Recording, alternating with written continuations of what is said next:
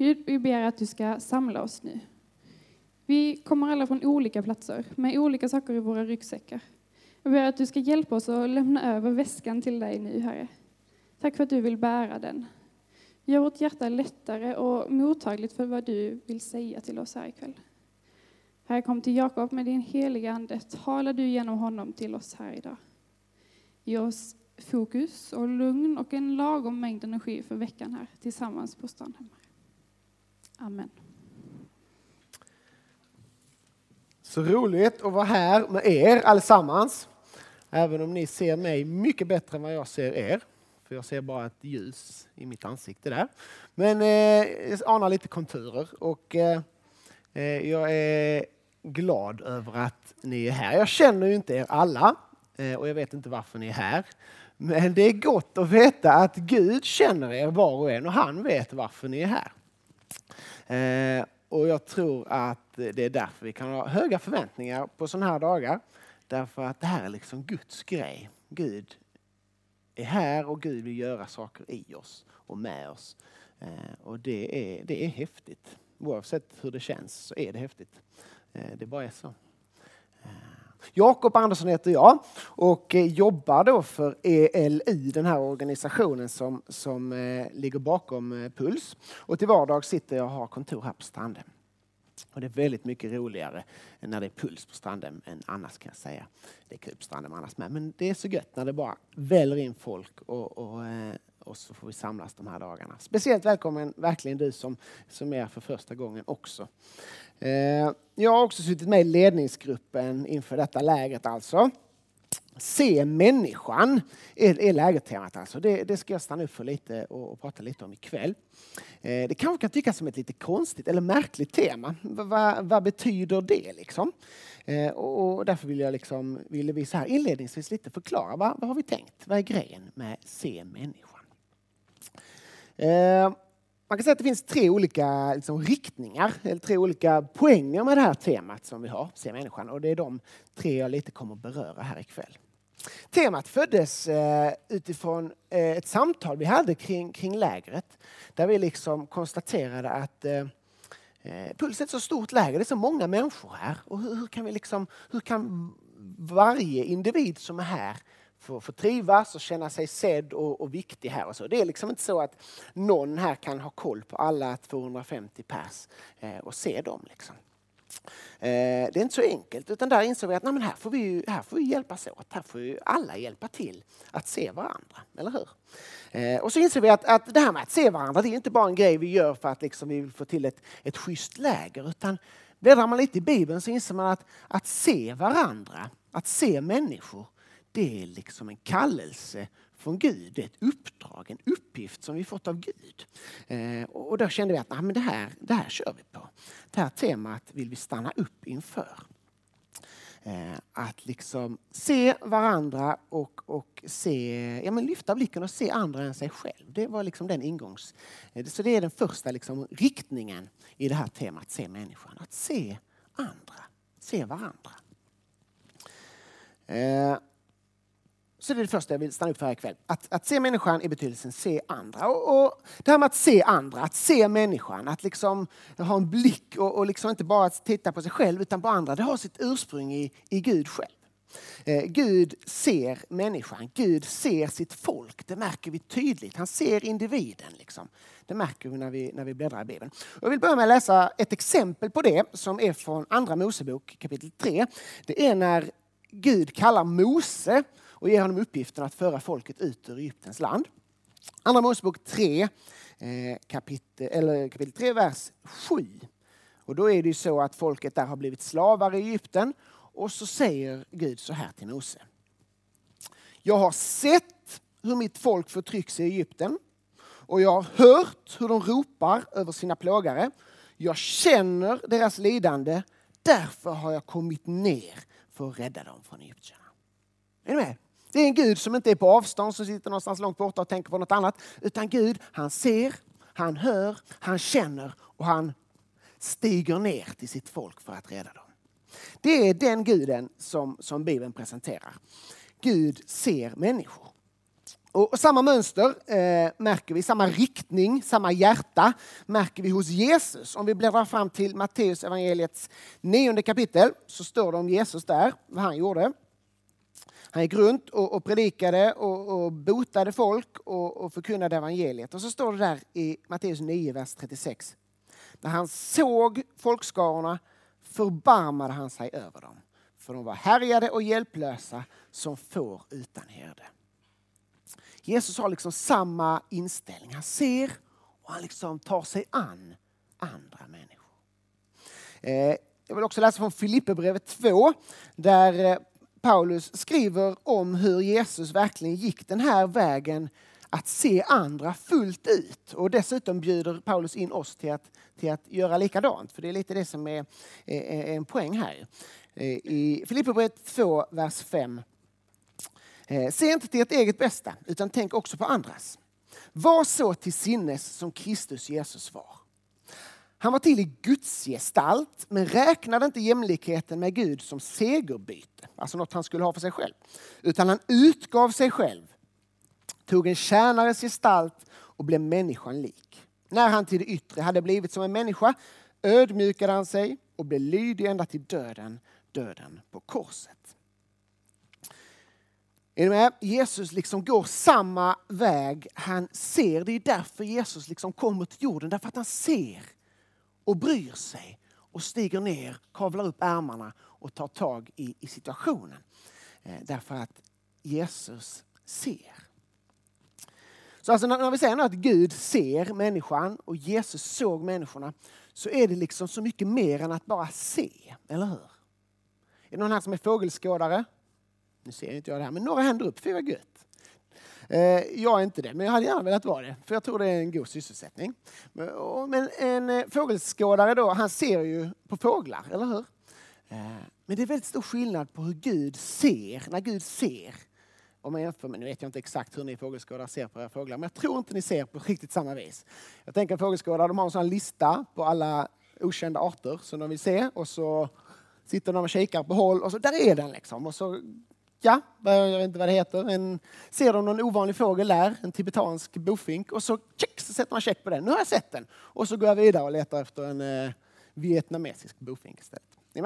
Eh, check på den liksom. Så, det är inte så vi snackar när Gud ser. Det är inte så att han sitter på lite håll och kollar. Jo, nu har jag sett. Liksom. Utan Gud ser, känner, lyssnar, bryr sig, stiger in i situationen och gör någonting. Eh, återigen, det var ju för att Jesus såg mänskligheten som han steg ner på jorden och ytterst sett då eh, gick hela vägen till döden på korset. Snacka om att sätta andras behov före sina egna. Va? Snacka om att se andra istället för sig själv. Han lämnade allt och gick den vägen. Och det här är en fantastiskt viktig sanning för oss att ta till oss här idag. Va? Att Gud ser, och det kommer vi få lyssna mer på imorgon kväll, att Gud verkligen ser dig. Du är ingen slump, du är, inte, du är liksom inte bortglömd. Du kan känna dig liten och ensam här på Puls kanske. Men Gud ser dig, känner, bryr sig och liksom är engagerad i ditt liv. Men, men det innebär också, och det är det vi kommer att prata lite mer om nu, att detta är också en kallelse för oss, ett uppdrag för oss. Att så som Gud ser oss, så är vi också kallade att se varandra. Va? Vi är kallade att se människan. Eh, om man läser om den första kristna församlingen eh, i Apostlagärningarna 2, det brukar man göra där, så, så och, och, och, kan man liksom se hur, hur funkade den och hur var det där? Så, så brukar man ofta läsa andra eh, Apostlagärningarna 2, vers 42. Och det vill jag göra ikväll också, för det är bra. De höll troget fast vid apostlarnas undervisning och vid gemenskapen, brödsbrytelsen och bönerna. Är ni med? Är det någon som är konfirmerad här? Några, gött. Eh, då har ni säkert hört talas om de här fyra benen som vi pratar mycket om i kyrkan. Va? Bibel, bön, brödsbrytelse och brödra och systragemenskapen. Eh, och det pratar vi mycket om i kyrkan och det gör vi helt rätt i. För det är liksom så oerhört grundläggande. I det här när vi söker Gud, söker den, den kristna församlingen för att komma samman. Därifrån får, liksom, får vi lära känna Gud, eh, få liv och, och kraft och byggas upp i, i gemenskapen kring honom. Eh, så det är, en, det är liksom en oerhört viktig i kyrkans uppgift. Ja, det är Puls uppgift också. Det är därför vi har Puls. Det är för att liksom leva Apostlagärningarna 2 och 42. Att komma samman i de här grejerna för att Gud ska kunna bygga upp oss. Va? Men det, det, finns en härlig fortsättning här som, vi kan inte, som man, man brukar läsa den versen. Men vi, vi vill läsa vidare. För det finns fler saker som är värda att lägga märke till om vi läser vidare där. Då står det varje själ greps av bävan och många under och tecken gjordes genom apostlarna. Under och tecken genom apostlarna.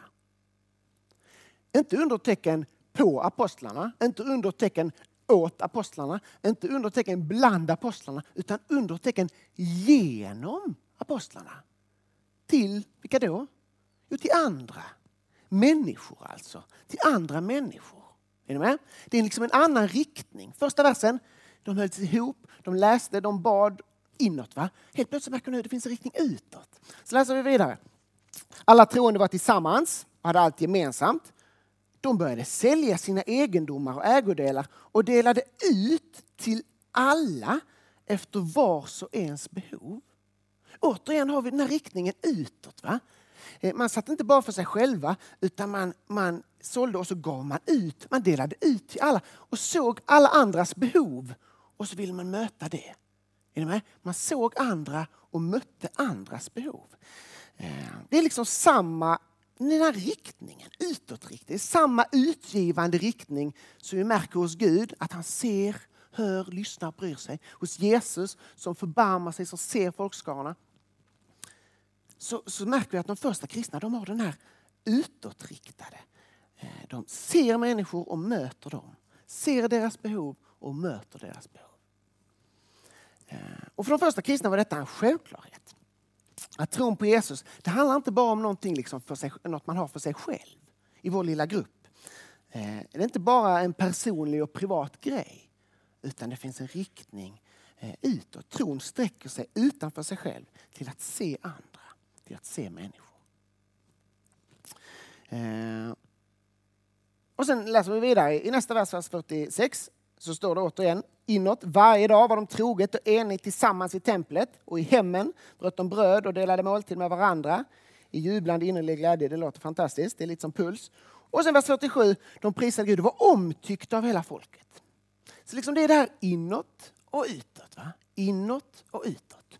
Eh, och, och jag tror att det är liksom en pendelrörelse. Tick, tack, tick, tack. Eller som ett hjärta som slår. Som drar ihop sig och expanderar.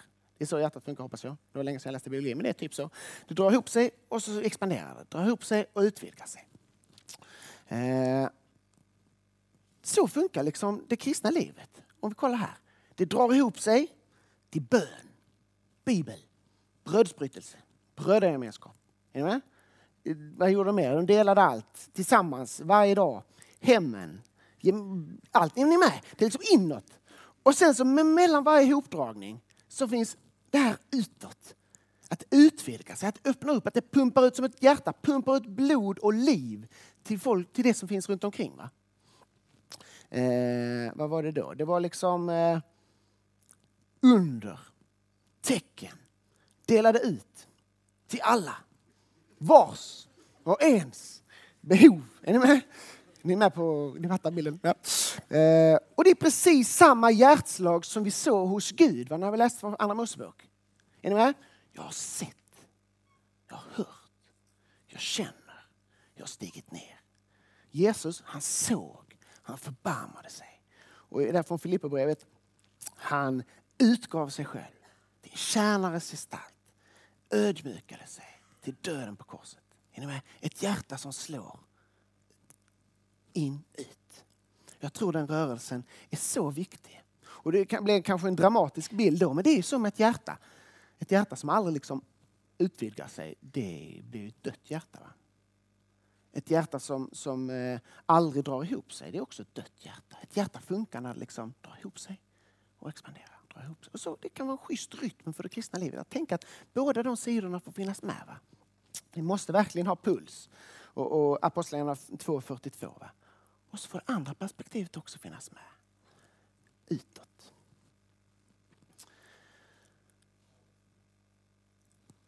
vi lever i en tid där, eh, där det är så fullt fokus på oss själva, eller hur? Eh, hur ska jag bli, bli lycklig? Hur ska jag må bra? Hur, vad ska jag få uppleva? Eh, vad tycker jag känns rätt? Vad vill jag? Eh, vad känner jag för så att säga? Livet i Sverige 2017 är ju på något sätt ett enda stort jag-bygge. Va? Och då är liksom vår bön och förhoppning och längtan och fråga hur kan våra eh, liv få liksom, hur kan vår tro få driva oss till att leva i en annan riktning? En utåtgivande, en utåtriktad eh, riktning. I att vi ser andra människor och kanske till och med sätter andras behov före våra egna, som Jesus. Det är liksom det vi lite vill stanna upp för, eller det är en del av det vi vill stanna upp för dessa dagar på Puls. Men inte bara som något att liksom lyssna på och fundera lite kring och oh, skriva en anteckningsbox. Sådär. Vi, ibland gör vi det här så, så, eh, så stort och svårt och avlägset. Hur ska jag, lilla jag, kunna se och hjälpa andra? Liksom? Flyktingarna på Medelhavet, ja vad kan jag göra? Liksom? Eller barn som svälter i världen. Jo, vi kan ge pengar, det är jättebra, gör det. Men man kan känna sig som att ja, det, det är så långt borta. Men det här är liksom en kallelse, en uppgift som vi kan få chansen att liksom leva ut här och nu. Och vi kan börja ikväll, här på Puls 2017. Eh, uppgiften är liksom nära. Det är bara att gå in i den. Eh, vi är så många här på Puls. Eh, och det är, det är, ibland så att folk känner sig, men man känner sig ensam här. Och det är egentligen vansinnigt. Hur ska man kunna, hur ska man kunna känna sig ensam bland 300 pers? Jo men så är det. Och det finns massa anledningar till det. Det kan vara svårt. Men vi får liksom se det som en, ah, en uppgift. Att se varandra. Va? Att liksom utvidga hjärtat, att lyfta blicken lite från oss själva och vårt liksom kompisgäng. Det är en bra träning, en bra start här på Puls. Att se människor, se varandra, se andras behov. Eh, och, och liksom lyfta blicken lite. Eh, så. Eh, kan vi hjälpas åt med det? Att försöka se varandra dessa dagar på Puls. Några som nickar, härligt. Och då är det alltså inte fågelskådar eh, se, utan då är det Gud se. Är ni med på det? Men det är inte helt lätt att efterlikna Gud i det, men det är liksom ändå det vi strävar mot, så att säga. Vi behöver inte ha checklistan. Men det är så gott när vi får se varandra, när vi får liksom mötas, lära känna nya människor. Ibland tänker vi, men jag har det så bra med mina polare. Eh, våga utmana dig själv i det. Eh, det var den första sidan av det här, det här eh, temat, att se människan. Att se människan i betydelsen se varandra. Den andra sidan, jag kommer att prata mest om de två första så ni behöver inte vara oroliga. Den andra sidan är, är hämtad från det bibelställe som det här eh, lägertemat faktiskt kommer från. Är det, någon, det är faktiskt ett bibelställe, vet ni om det? Det är en bibelvers det här, se människan. Är det någon som vet var det kommer ifrån? Härligt! Det är, det är, lampan som bländar mig, det är därför jag inte ser alla händer som är uppräckta i luften. Eh, jo, det är faktiskt så att det är, eh, vad heter han, Pontus piloten som någon sa. Eh, Pontius Pilatus är det som säger detta, se människan. Eh, och ni som har biblar, eh, ni kan få bläddra till Johannes evangeliets 19 kapitel. Tänk om Pilatus hade vetat att vi hade suttit här, 300 ungdomar, 2000 år efter hans död och liksom samlats kring fem dagar på en missionsgård i kalla Norden utifrån ett tema, utifrån vad han har sagt. Det är mycket, mycket som han, inte, som han eh, hade kunnat veta. Till exempel att miljoner människor läser hans namn varje söndag i gudstjänsten, i trosbekännelsen också, under 2000 år. Det var kanske tur att han inte, att han inte visste det. Eh, men så var det med Pontus piloten. Det var en, ett, ett, barn som eh, trodde att han hette Pontus piloten. De skulle rita de skulle rita, de hade pratat i söndagsskolan om flykt, eh, Josef och Marias flykt till, det här är ett sidospår, eh, flykten till Egypten. Så skulle de rita en bild på det då. Så ritade han en, eh, tyckte han flykt och tänkte koppla han liksom flygplan. Så Han hittade ett flygplan med, med fyra personer i då, ett litet barn och tre vuxna. Och så tyckte ju svenskarna att det var kul med liksom, att de tänkte att det var ett flygplan och så. så bara, ja, och där är Josef och Maria, men vem är han där framme? Ja, men det är Pontus piloten. Eh, så kan det gå. Eh, hur som helst.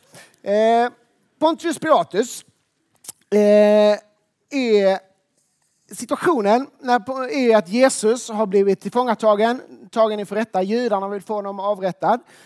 Och de, drar, de har inte rätt att göra det själva, därför drar de honom inför Pilatus och, och vill att han ska, han ska liksom bevilja dödsdomen. Och då vill jag läsa ett, stycke här för att sätta er in i, i den här situationen. För man märker rätt så snabbt att Pilatus, han, han liksom inte riktigt med på detta. Han, han tycker att Jesus, eh, han hittar inte riktigt något, han tycker inte att Jesus eh, är värd att, att avrättas. Liksom. Eh, så jag läser där från kapitel 19, eh, vers 1 och framåt. Då tog Pilatus Jesus och lät gissla honom, alltså en pisk, piska. Soldaterna flätade en krona av törn och satte på hans huvud och klädde honom i en purpurröd mantel. Sedan gick de fram till honom och sa, var hälsad judarnas kung. Och de slog honom i ansiktet. Pilatus gick ut igen. Nu står han alltså inför, inför de här alla folket och de judiska ledarna som står och vill, vill liksom få Jesus avrättad. Så nu går han liksom ut inför dem igen.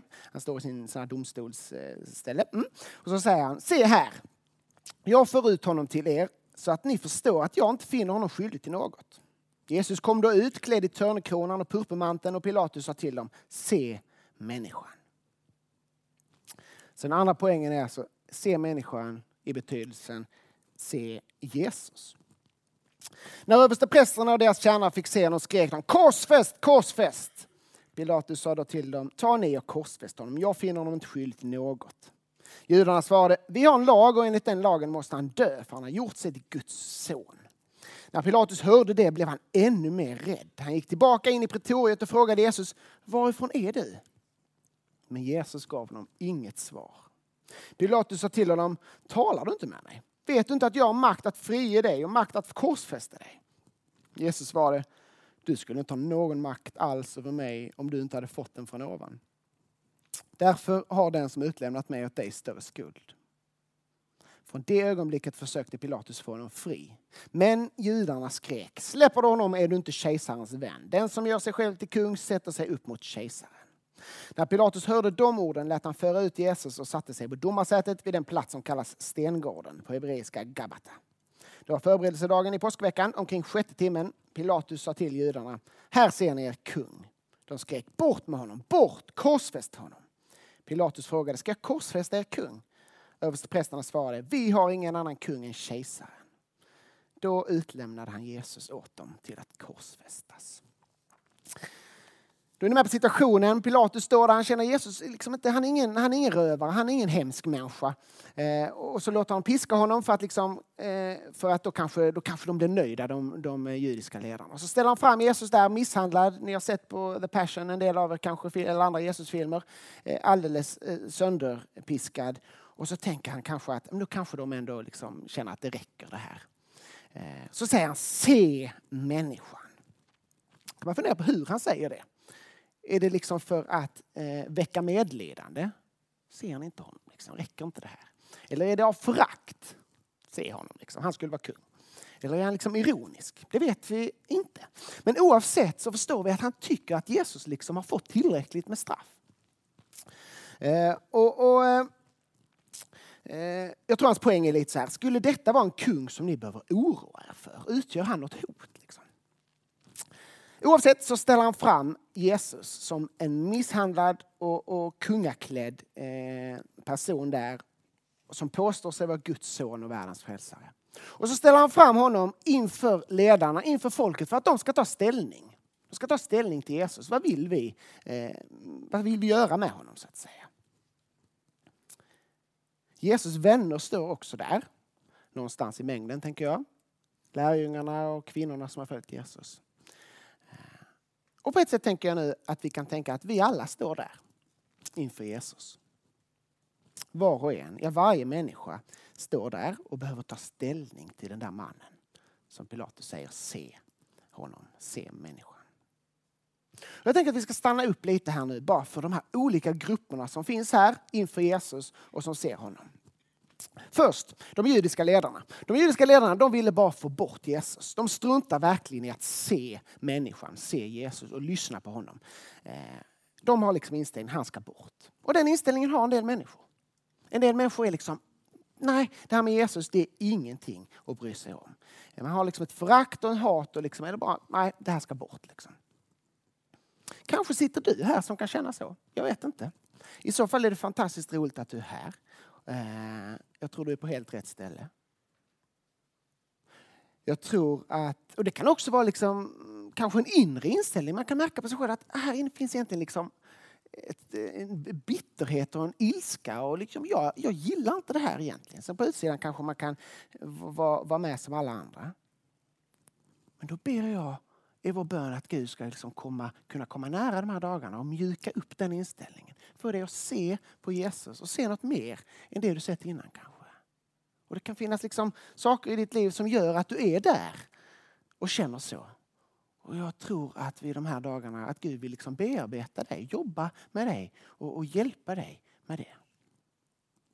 Att liksom hela och upprätta och, och så att vi kan liksom och mjuka upp så att säga. Så du kan få en annan inställning till, till, till Jesus än vad de judiska ledarna hade. Bort med honom. Nästa grupp är, är folket som står där också och som ledarna försöker påverka. Jag tänker att de flesta i folket var nog inte så våldsamt kritiska egentligen. Jag tror bara de hängde med, de följde strömmen. Eh, de orkade liksom inte ta en massa obekväma beslut. De pallade inte fundera en massa obekväma tankar eh, på vem den där mannen egentligen var. De orkade inte tänka, pallade inte undersöka, liksom, ta ställning, utan man bara man flöt med. Man kände efter. Ah, korsfäst. Är ni med? De tog den enklaste vägen. Jag tror det är en rätt så vanlig inställning, är det inte så det? Att man inte liksom aktivt mot, men man liksom bara... Ah. Om du skulle fråga dina kompisar så här, hur tar du ställning till Jesus? Vem är han? Vad får man för svar då? Eh, ska vi köpa pizza istället? Alltså liksom på något sätt, äh, nej, vi gör något annat. Vi spelar Fifa eller något. Är med? Man, liksom, man, är inte, man är inte negativ, men man liksom, nej, mm, vi orkar inte. Så. Man flyter med. Det tragiska är att förmodligen är det en del av de här i folket som, som sjöng Hosianna fem dagar tidigare när Jesus red in i, i Jerusalem. För då var det det som var nice att göra. Då var det det som alla gjorde. Då var det det som var schysst. Liksom. Ah, Hosianna. Sen fem dagar senare, ah, korsfäst. Man glider med. Rätt så tragiskt, eller hur? Men, men jag tror att det är rätt så vanligt. Kanske kan det vara så för oss också. Kanske kan det vara så för dig. Man glider liksom med. Och då får liksom Pilatus rop här, se människan, se Jesus, får liksom eh, väcka dig. Eh, och liksom får du stanna upp inför honom, se honom stå där, Jesus. Får du, får du liksom fundera, vad vill jag egentligen? Vill jag följa honom eller vill jag bara glida med och se vad som händer och kanske sluta med att jag vänder honom ryggen? Är? Som folket. Kanske är vi som dem. Nästa person som jag vill stanna upp för här inför Jesus, det är Pilatus själv, för han står ju också där. Han hade sett Jesus, han hade lyssnat på Jesus, tagit tid för Jesus. Liksom på ett sätt hade han tagit ställning. Två gånger i texten vi läste så märker vi att han säger att jag finner honom inte skyldig till något. Och när, när judarna börjar eh, ropa så står det i där vers 8 att han blir orolig. Eh, att han liksom, och när han hörde vad Jesus hade sagt om sig själv så blev han orolig. Eh, och i vers 13, från det ögonblicket försökte Eh, Pilatus få honom fri. Men judarna skrek. Och så slutar det ändå med att han ger efter. Ah, korsfäst honom. Ta, ta ni och korsfäst honom. Jag tänker att vers 13 är rätt så talande. Från det ögonblicket försökte Pilatus få honom fri, men judarna skrek. Det tror jag vi kan, det är en tragisk beskrivning, men jag tror också att den är rätt så vanlig. Kanske är du i den sitsen som sitter här. Vi vill och vi söker och vi vill och vi vill försöka men så är det så mycket annat som skriker. Det är mycket som skriker mot Jesus i vår tid. I allt det som möter oss, i det vi fyller oss med, i det som är liksom vardagen och livet. Och även i vårt inre. Vi kanske vet som Pilatus vad som är rätt. Han trodde inte att Jesus var skyldig. Men risken finns ändå att vi, precis som honom, liksom kapitulerar av rädsla eller bekvämlighet. Nej, jag är inte beredd att ta det här. Jag ger efter. Jag orkar inte. Och så låter vi det som skriker högst få avgöra istället. Är ni med? Så kan det vara. Jag tror att många av oss står i den kampen idag, i vardagen. Vi vet att Jesus står där, men så finns det så mycket högljutt som liksom drar åt ett annat håll. Kontrasten är ju så oerhört tydlig i texten. Va? Ledarna folket de gapar och skriker ut sitt hat. Eh, men Jesus, Han står där tyst, ödmjuk och liksom väntar. Väntar på att få manifestera sin gränslösa kärlek till dem som skriker. Kontrasten är liksom oerhörd. Han som är sanningen, han står tyst och stilla och liksom hånas och föraktas. Men lögnen och ogudaktigheten den skriker och skränar och låter högt. Och därför alltså Pilatus rop, se Jesus, se människan, blir en påminnelse om att följa sanningen, det vi tror är rätt och sant. Och inte bara det som låter högst. Är ni med? Se människan, se på Jesus. Den sista gruppen här är lärjungarna som också står här inför Jesus. Hur har de det då? Modfällda, förtvivlade va? på grund av det som har hänt. Motståndet mot Jesus. Kanske besvikna, uppgivna och ledsna därför att Jesus inte verkade vara den som de trodde att han, han var eller de hade hoppats på. Petrus står där, alldeles knäckt över sina egna misslyckade försök att liksom göra som Jesus ville. Kanske finns du som, som är i den situationen här på Puls idag. Där all luft i kristenlivet liksom har gått ur dig. Som lärjungarna kanske i besvikelse och uppgivenhet på grund av motstånd eller att Jesus känns så tyst och passiv. Eller som Petrus knäckt över liksom de där misslyckade försöken, han som skulle följa Jesus. Och så blev det bara pannkaka av alltihopa. Och så känner han, jag kan inte vara med i det här. Här kommer orden se människan, se Jesus som en fantastiskt viktig påminnelse Eh, och tröst. För det första därför att Jesus är den som har all makt. Mitt i lidanden, mitt, lidandet, mitt i det som verkar vara beviset på att han är maktlös, klen och ingenting, så har han fullständig kontroll. Alltså jag tycker det är så oerhört häftigt i den här texten. Hur Jesus är den, jag vet inte om ni tänkte på det, men Jesus är den som har kontroll i den här texten. Det är han som liksom eh, trots allt har kontroll. Ledarna de bara skriker och skränar och liksom agerar helt irrationellt utifrån sitt hat och sin rädsla. Folket de bara glider med. Ja, ja, korsfäst, korsfäst. Pilatus, han som till synes har mest makt av alla, han kan inte ens göra det han vill göra. Och lärjungarna och kvinnorna där är alldeles knäckta och uppgivna. Jesus, han som står där misshandlad, ensam, övergiven, han behöver inte ens försvara sig när han får chansen. Pilatus blir helt frustrerad. Ska du inte försvara dig? Jag har ju makten att liksom avrätta dig. Och och eh, där är vers 11 så god. Jesus bara, ah, nej, nej, det är inte du som har makt. Du har fått den makten av mig, en liten bit. Den har du inte haft annars. Men Jesus har totalt... Det som händer är liksom din misslyckande. Det är detta som Jesus, det är därför han kom till jorden. Han vet precis allt som ska hända.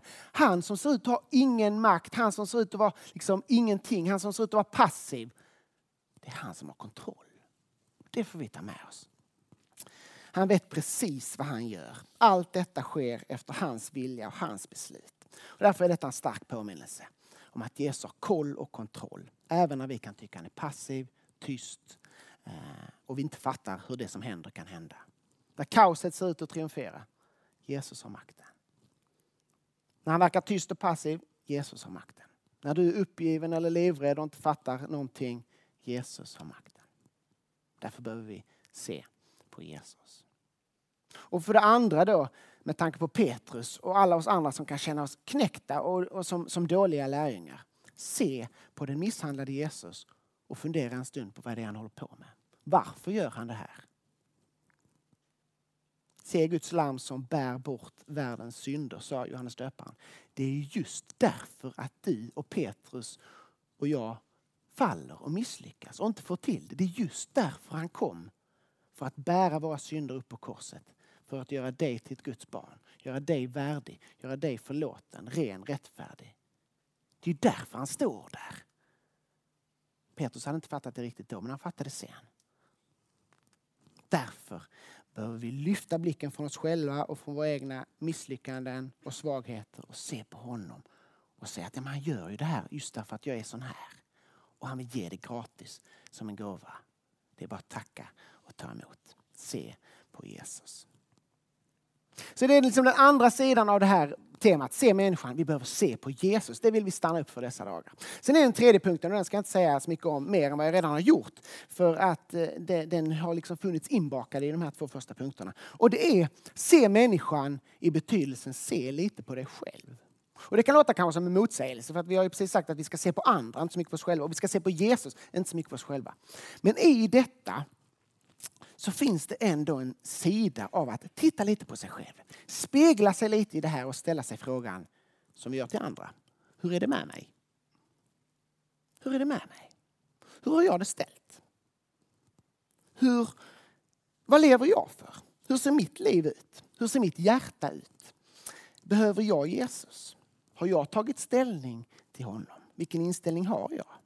Hur kan jag leva Lever jag för mig själv eller lever jag för andra? Eh, hur kan jag likna Guds hjärtslag mer än vad jag gör idag? Därför vill vi också stanna upp för detta. Stanna upp och se vad det är att vara människa. Också vilka begränsningar eh, det, det innebär att vara, att vara människa. Så se människan, se andra, se Jesus, se dig själv. De frågorna vill vi stanna upp för dessa dagar. Och då tror jag att det kan bli både härliga och fantastiska dagar, men också viktiga och, och utmanande eh, dagar. Eh, för det är liksom detta Puls handlar om. Att Gud ska få komma nära. Att Gud ska liksom få chansen att jobba i oss och med oss och genom oss. Forma oss, prägla oss. Visa oss mer av vem han är. Genom undervisning Eh, och predikan, genom lovsång, bön, samtal, bikt, förbön smågrupper, gemenskap. Att Gud liksom ska få, att det här ska vara dagar där Gud kan få jobba i oss. Därför att han är en Gud som ser oss och, och vill forma oss, dra i oss och ösa sin kärlek över oss. Det kan bli bra dagar, eller hur? Ska vi be tillsammans? Tack Jesus för att vi får tro att du är en Gud som ser oss. Och så gör du det i nåd och barmhärtighet. Du förbarmar dig över oss. Och du ser var och en av oss som sitter här. Och jag tackar dig för det. Tack för att ingen här är bortglömd av dig. Tack för att du känner oss. Du vet precis hur vi har det. Tack Jesus för det. Och tack för att det inte liksom är en passiv tittande utan du är engagerad i våra liv. Och vi ber att du de här dagarna ska få, få, få jobba i oss. Eh, forma oss, prägla oss, lära oss mer av, av vem du är och vad livet handlar om ber också att vi i dessa dagar ska få, få se på dig Jesus. Du ser precis var vi är, var och en av oss. Hur vi känner, vad vi har för inställning till dig. Eh, vad vi längtar efter liksom. Kom du och, och låt oss få fästa blicken på dig de här dagarna. Kom bli stor för oss. Kom heliga Ande, du som är hjälparen och livgivaren. Vi behöver dig. Vi behöver hjälp, vi behöver liv. Vi behöver din kraft, Herre. Kom och fall över oss dessa dagar. Vi, vi lämnar dessa dagar, vi lämnar oss själva, var och en av oss här inne, i dina mäktiga händer. I Jesu namn.